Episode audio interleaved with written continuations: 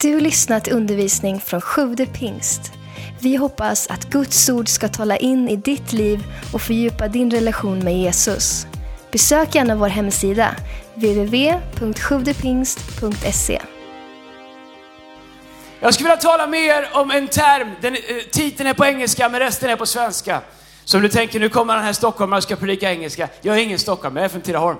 Så, men titeln är på engelska, därför att den finns inte på svenska. Om du vill ha en titel på dagens predikan så heter den Pressure is a privilege. Jag kan förklara vad det betyder. Pressure, det betyder tryck. Och pre, eh, pri, eh, pri, is, det betyder är. Och privilege, det betyder privilegium. Och då tänker du, varför sa du inte det på svenska? Nej, jag vet inte. Men det låter bra på engelska. Pressure is a privilege. Jag, jag lyssnade på en sportpodcast för ett tag sedan. Eh, jag är lite nördig när det, när det gäller de där sakerna. Man får sitta i kö ett tag i, i Stockholm, man åker fram och tillbaka. Så man borde väl lyssna på predikningar, men jag lyssnar på sportpodcast. Och, eh, de pratar om eh, kring junior-VM i hockey, vilket är en av årets höjdpunkter. Och de pratar om kanadensarna, varför de alltid är så bra i hockeyturneringar. Varför de alltid har en förmåga att vara bäst när det gäller. Och de sa att det är att de får lära sig från början när de är små och börjar träna att pressure is a privilege.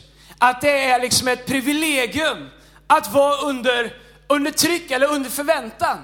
Medan vi kanske ibland i Sverige och i Europa och Skandinavien gärna tar den väg som är lite enklare.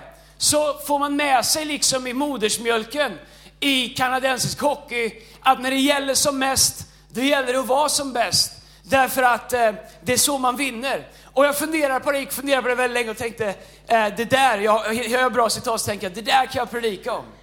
Och pressure är ganska intressant. Vad är tryck egentligen? Och det finns två olika sorters tryck. Det ena är tryck och det andra är betryck. Betryck är ingenting att ha.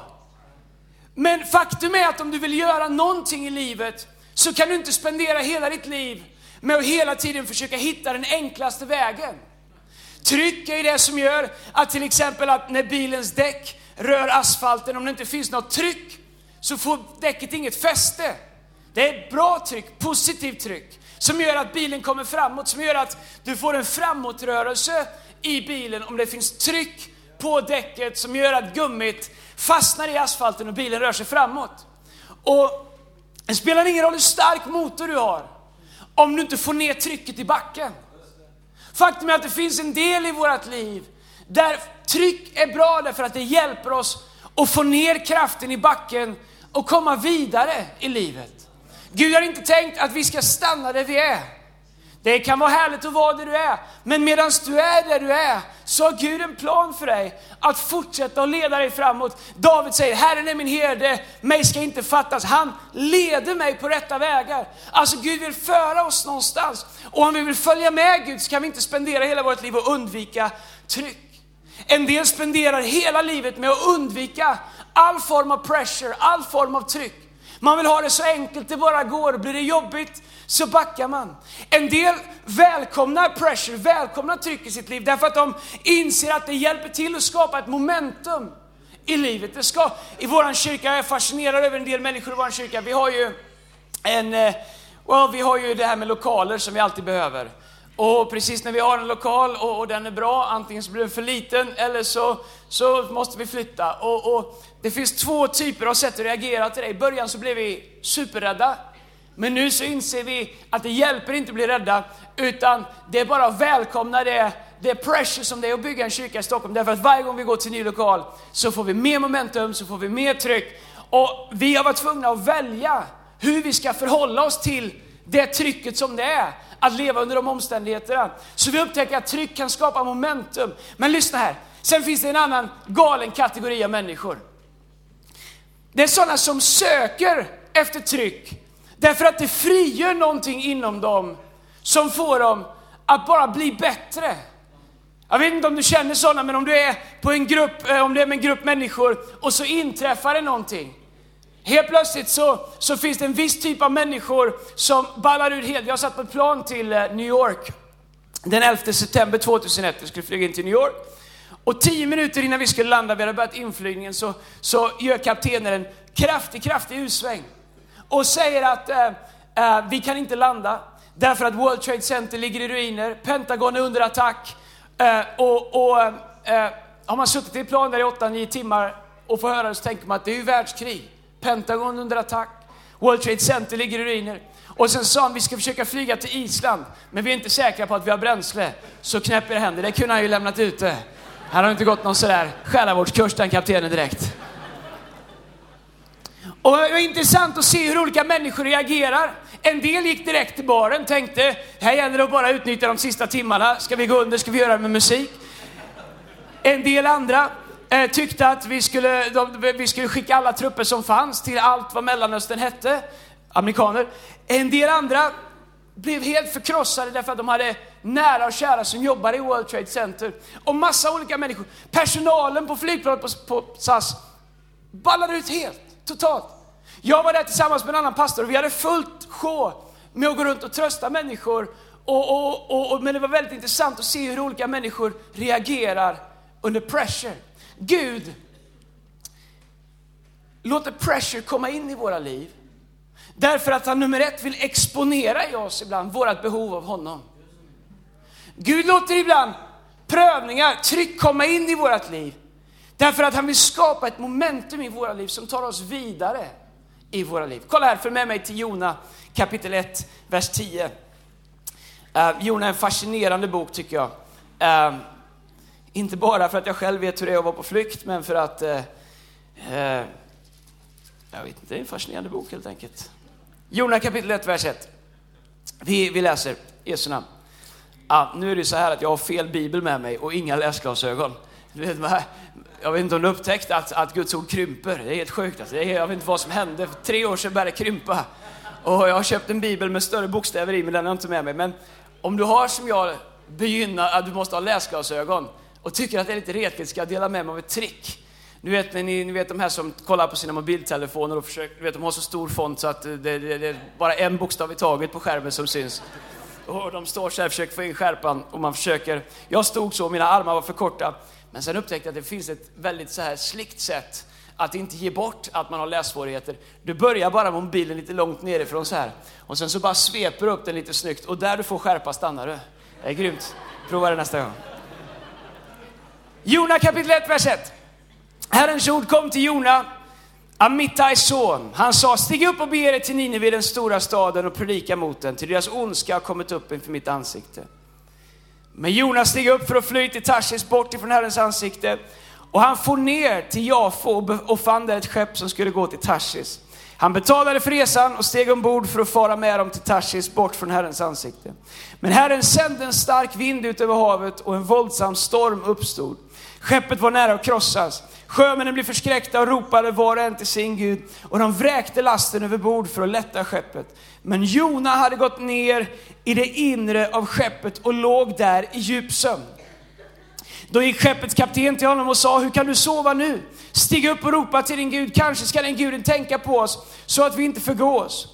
Då sa de till varandra, låt oss kasta lott så att vi får veta vem som har dragit denna olycka över oss. Och när de kastade lott föll, eh, och när de kastade lott föll lotten på Jona.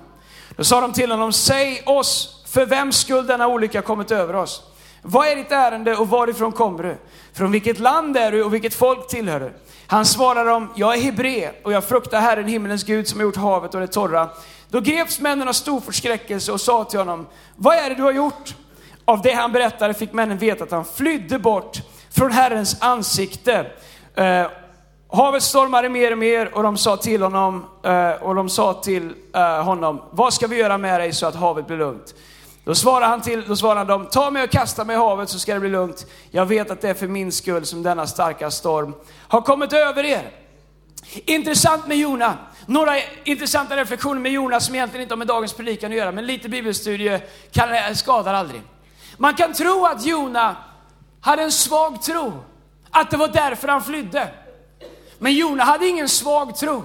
När vi läser i slutet på kapitlet säger Jona till Gud att jag gick inte för jag visste att du skulle förbarma dig över dem. Han visste exakt vad Gud skulle göra. Han hade ingen svag tro. Mig vetligt så finns det bara nedtecknat en annan person i hela Bibeln som har sovit i en storm. Jesus Kristus. Alltså om du är på flykt ifrån Gud men fortfarande sover gott, när erfarna sjömän freakar ut för att det vågar så mycket, då är du inte en människa utan tro. Jona visste exakt vad Gud var kapabel till. Jona hade en stor tro på Gud. Han var bara inte beredd att axla den bördan och det tryck som det innebar att gå till Nineve, att förmedla och förmedla det uppdrag som han fick av Gud. Det var inte det att han inte trodde på Gud. Det var inte det att han inte visste hur man tjänade Gud. Det var bara det att han var inte beredd att anta den utmaningen som Gud gav honom. Han tyckte att bördan blev för stor så han flydde. Ibland så gör vi så som Jona, vi spenderar våra egna pengar för att köpa oss bort ifrån det som är Guds vilja för våra liv. Vi använder våra böner för att försöka be oss bort ifrån någonting som Gud faktiskt har låtit komma in i våra liv.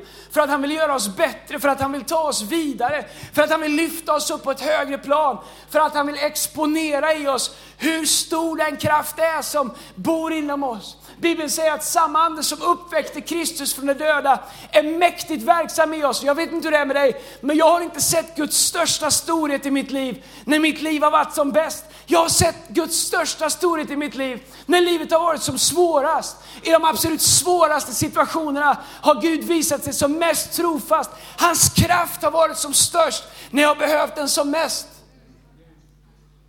Därför om vi flyr bort ifrån det tryck som Gud ibland tar in i våra liv, så kommer vi aldrig någonsin få upptäcka den kraft och den nåd som finns i att vara i Guds kallelse, även om Gud kallar oss in i situationer som säger, det här känns inte skönt.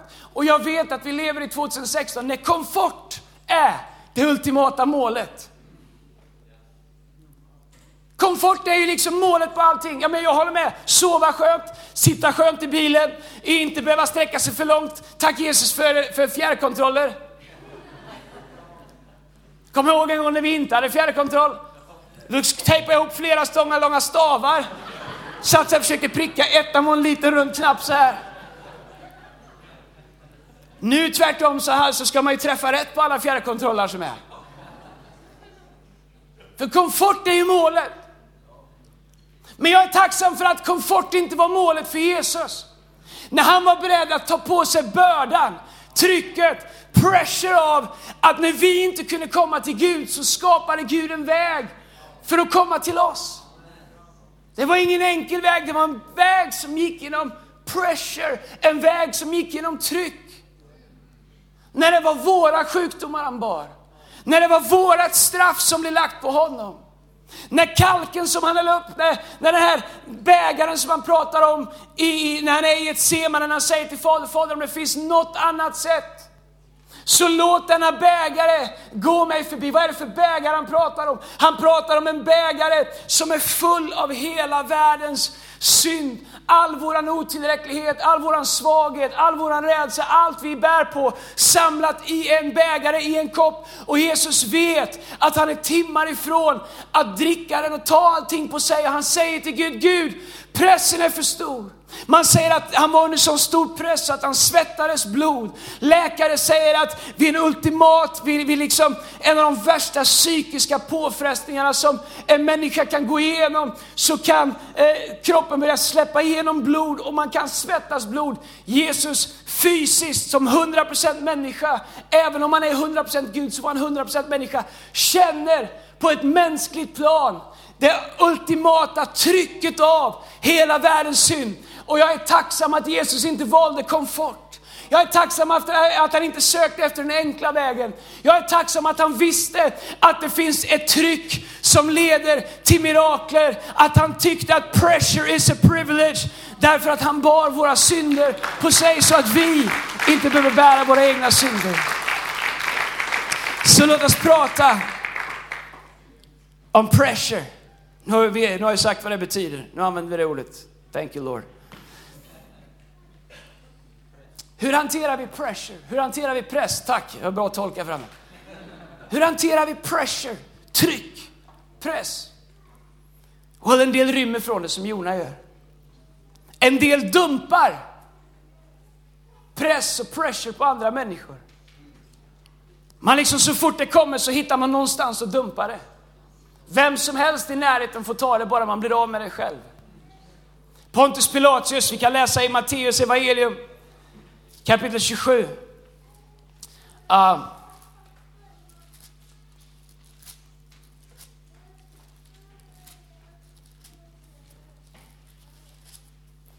vers 19.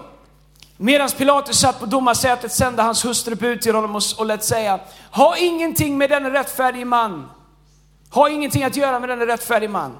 Jag har i natt lidit mycket i en dröm för hans skull. Men översteprästerna och de äldste övertalade folkmassan att begära att Barabbas skulle friges och Jesus dödas. När landshövdingen frågade dem vilken av de här två vill ni att jag ska frige åt er, svarade de Barabbas. Pilatus frågade dem, vad ska jag då göra med Jesus som kallas Messias? Han svarade, korsfäst honom. Han frågade, vad har han gjort för ont? Men de skrek ännu högre, korsfäst honom. Då Pilatus såg att inget hjälpte, utan att oväsendet bara ökade, tog han vatten och tvättade sina händer i folkets åsyn och sa, jag är oskyldig till denne mans blod. Ni får själva svara för det. Pontus Pilatus, han, han duckar från pressen. Faktum är, jag är tacksam att han inte gjorde det, men han skulle ha kunnat fri, gjort, frisatt Jesus.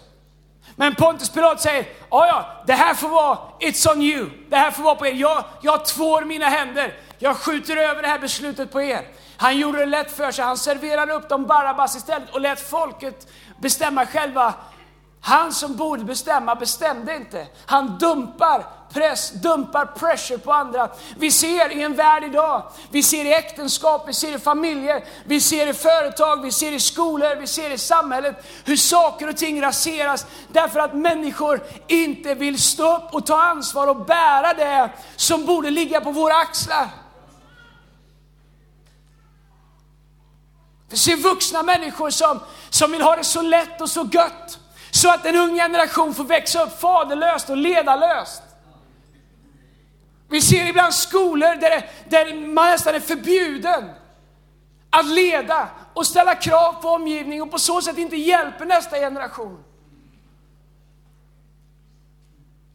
Jag känner 50-åriga män som ska frigöra sig själva. Skaffa ring i örat och en tatuering. Lämna fru och barn. Vi lever i en tid där det är så oerhört enkelt att dumpa pressure. Dumpa pressure på andra. Det var inte mitt fel. Det var inte jag som gjorde det. Hade jag bara haft, hade det inte varit för. Hade jag bara fått det, om jag bara hade haft det jobbet, om jag bara hade haft det, det, det, den utbildningen, om jag bara hade dejtat den tjejen. Och sen så när man väl dejtar den tjejen, om jag inte hade dejtat den tjejen, om jag inte hade haft det här jobbet, om jag inte hade gått den här skolan. Alldeles för få människor som vill ställa sig upp och ta det ansvaret som Jesus gjorde. Men du kan vara en hjälte i din miljö. Och det är exakt det som Jesus gjorde när han tog hela våran synd på sig. Det som hände när vi, när vi trycker över pressure, när vi trycker över ansvar på människor som inte är rustade för det, så är det som när Saul hängde på sin egen rustning på David.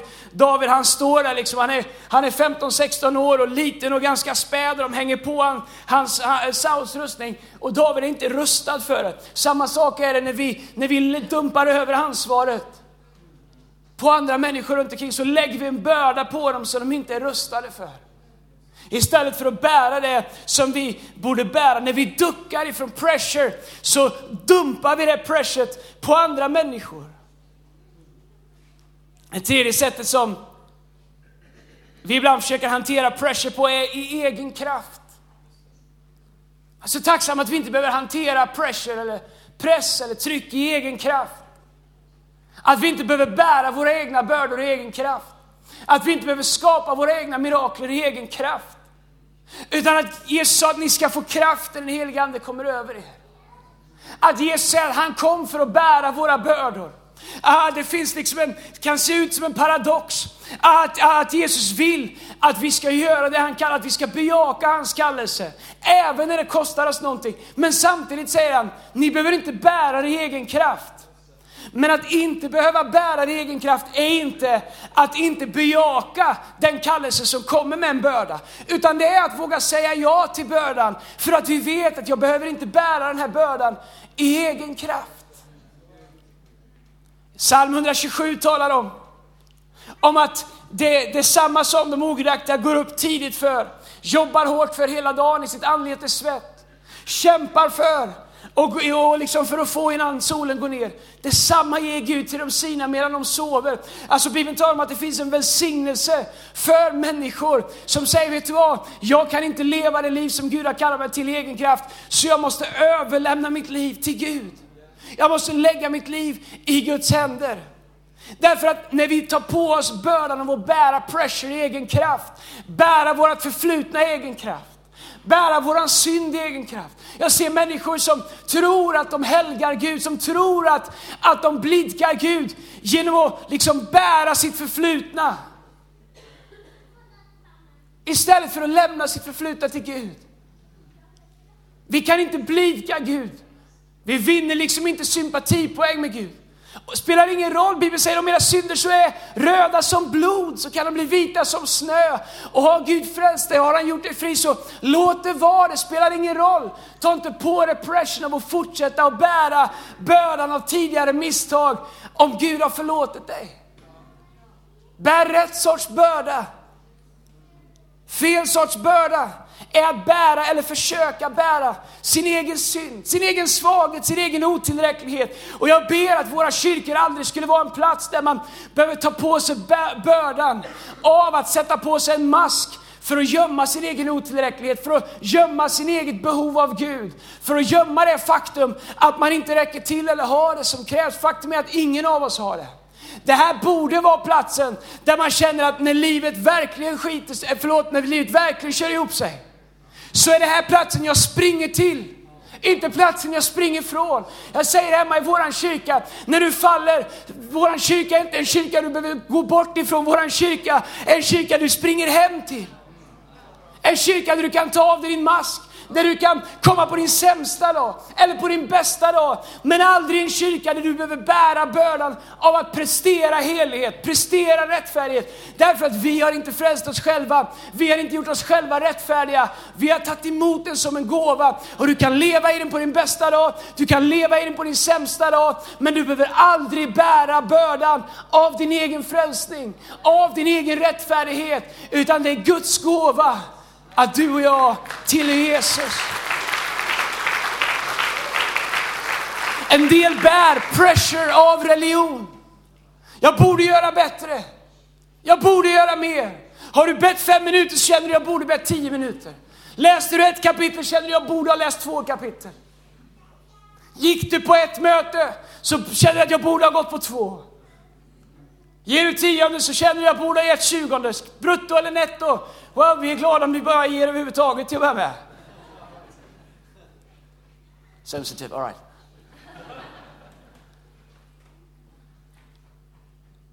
Religion lägger en börda på oss som är omöjlig att bära. Bibeln säger medan vi ännu var syndare offrade Jesus sig själv. Alltså innan vi bestämde oss, innan vi ens gjorde ett försök att nå upp till Gud, så hade han redan bestämt sig. Så hade Gud redan bestämt sig för att vi var värda att komma till. Det spelar ingen roll hur bra dag du har, så är du inte tillräckligt bra för att förtjäna Gud. Men det fantastiska med det är att det spelar ingen roll hur dålig dag du har, så behöver du inte förtjäna Gud. Allt du behöver göra är att ta emot honom. Men åt var en, Johannes kapitel 1, men åt var en som tog emot honom gav han rätten att bli Guds barn. Inte åt var och en som aldrig missade, som missade en dag i sin bibelläsningsplan. Jag, jag har ett så här mixt förhållande till bibelläsningsplaner. Å ena sidan så kan det vara bra att ha en bibelläsningsplan, men å andra sidan så har jag människor som gått med sig, Andreas jag har missat min bibelläsningsplan i tre, tre veckor, jag måste läsa ikapp. Och jag säger, strunta i det. Om målet är liksom att du måste religiöst hålla din plan så har du missat hela poängen. Religion kommer alltid lägga press på oss att vi måste prestera det som Jesus säger att han redan har gjort för oss. Men Jesus älskar dig. Han är på din sida, han är för dig. Rättfärdighet är gåvan som han gav dig. När han drack bägaren så sa han, jag tog allt från dig som du aldrig någonsin kan bära själv och jag gav dig allt som du aldrig någonsin kan ta dig själv. Och varje kyrka, där essensen av atmosfären. Inte handlar om vad är bäst för mig? Hur får jag ut mest av det här? Vad tycker jag att det borde vara? Utan det handlar om hur kan vi göra dörrarna tillräckligt öppna? Hur kan vi göra trösklarna tillräckligt låga? Så att var och en som undrar om Gud finns, som bara kommer hit känner att här finns det en villkorslös kärlek. Här finns det en acceptans. Du behöver inte uppföra dig för att få tillhöra här, utan du kan få börja med att tillhöra och låta Jesus få göra det Jesus behöver göra i dig. Men jag är så tacksam när jag säger till vår kyrka, vi har en slogan, you don't have to behave to belong. Och ibland så blir den prövad. Oh my God. Alltså, det är härligt med nyfrälst alltså, men ens religiositet blir ju prövad lite nu och då.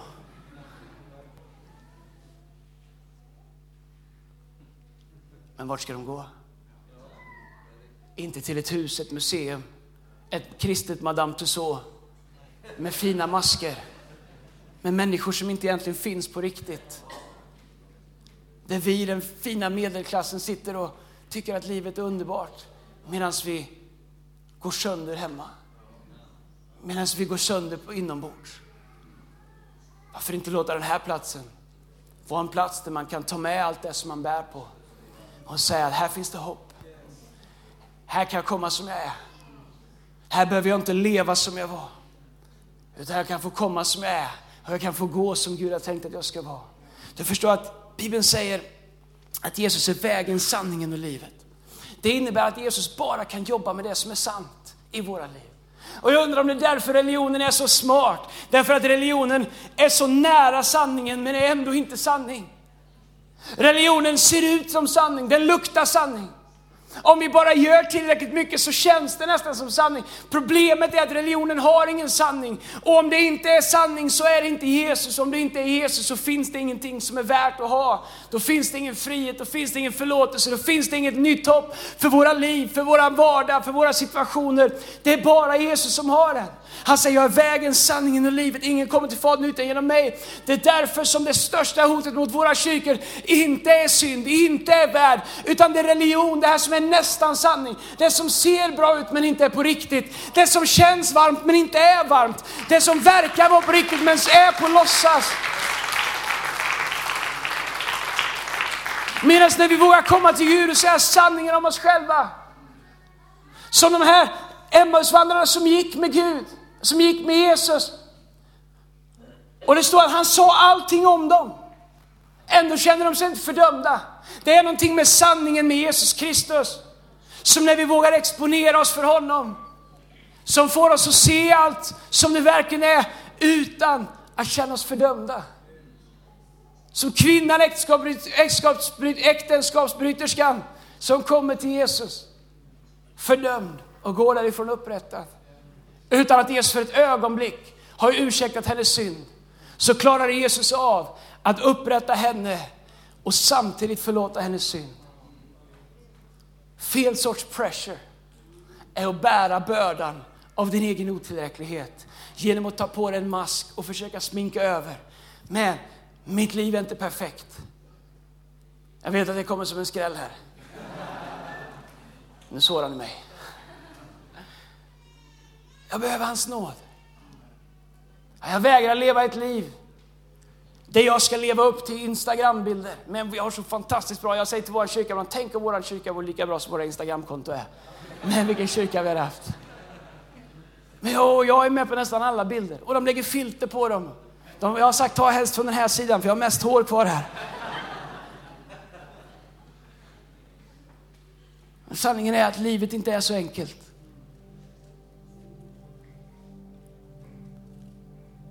Men vi vägrar bygga en kyrka där vi lägger bördor på människor av att bära sin egen synd, bära sin egen svaghet, bära sin egen oro, bära sin egen fruktan. Så vad är rätt sorts pressure? Rätt sorts pressure är korsets pressure. Säg det sex gånger om du kan, korsets pressure. Korsets börda, bördan av korset. Jesus säger min börda är lätt. Lukas evangelium kapitel 9, vers 3. Så säger Jesus så här. Sedan sa han till alla, om någon vill följa mig ska han förneka sig själv och varje dag tar sitt kors och följa mig. Jag kommer ihåg när jag växte upp i, och hörde den där versen många gånger och tänkte det där känns ju inte speciellt sexigt, alltså inte speciellt roligt och det är väl ingenting som man egentligen vill gå och bära på ett kors. Det kändes tungt. Ofta var det deppiga människor som sa det. Ta på dig korset. Förneka dig själv.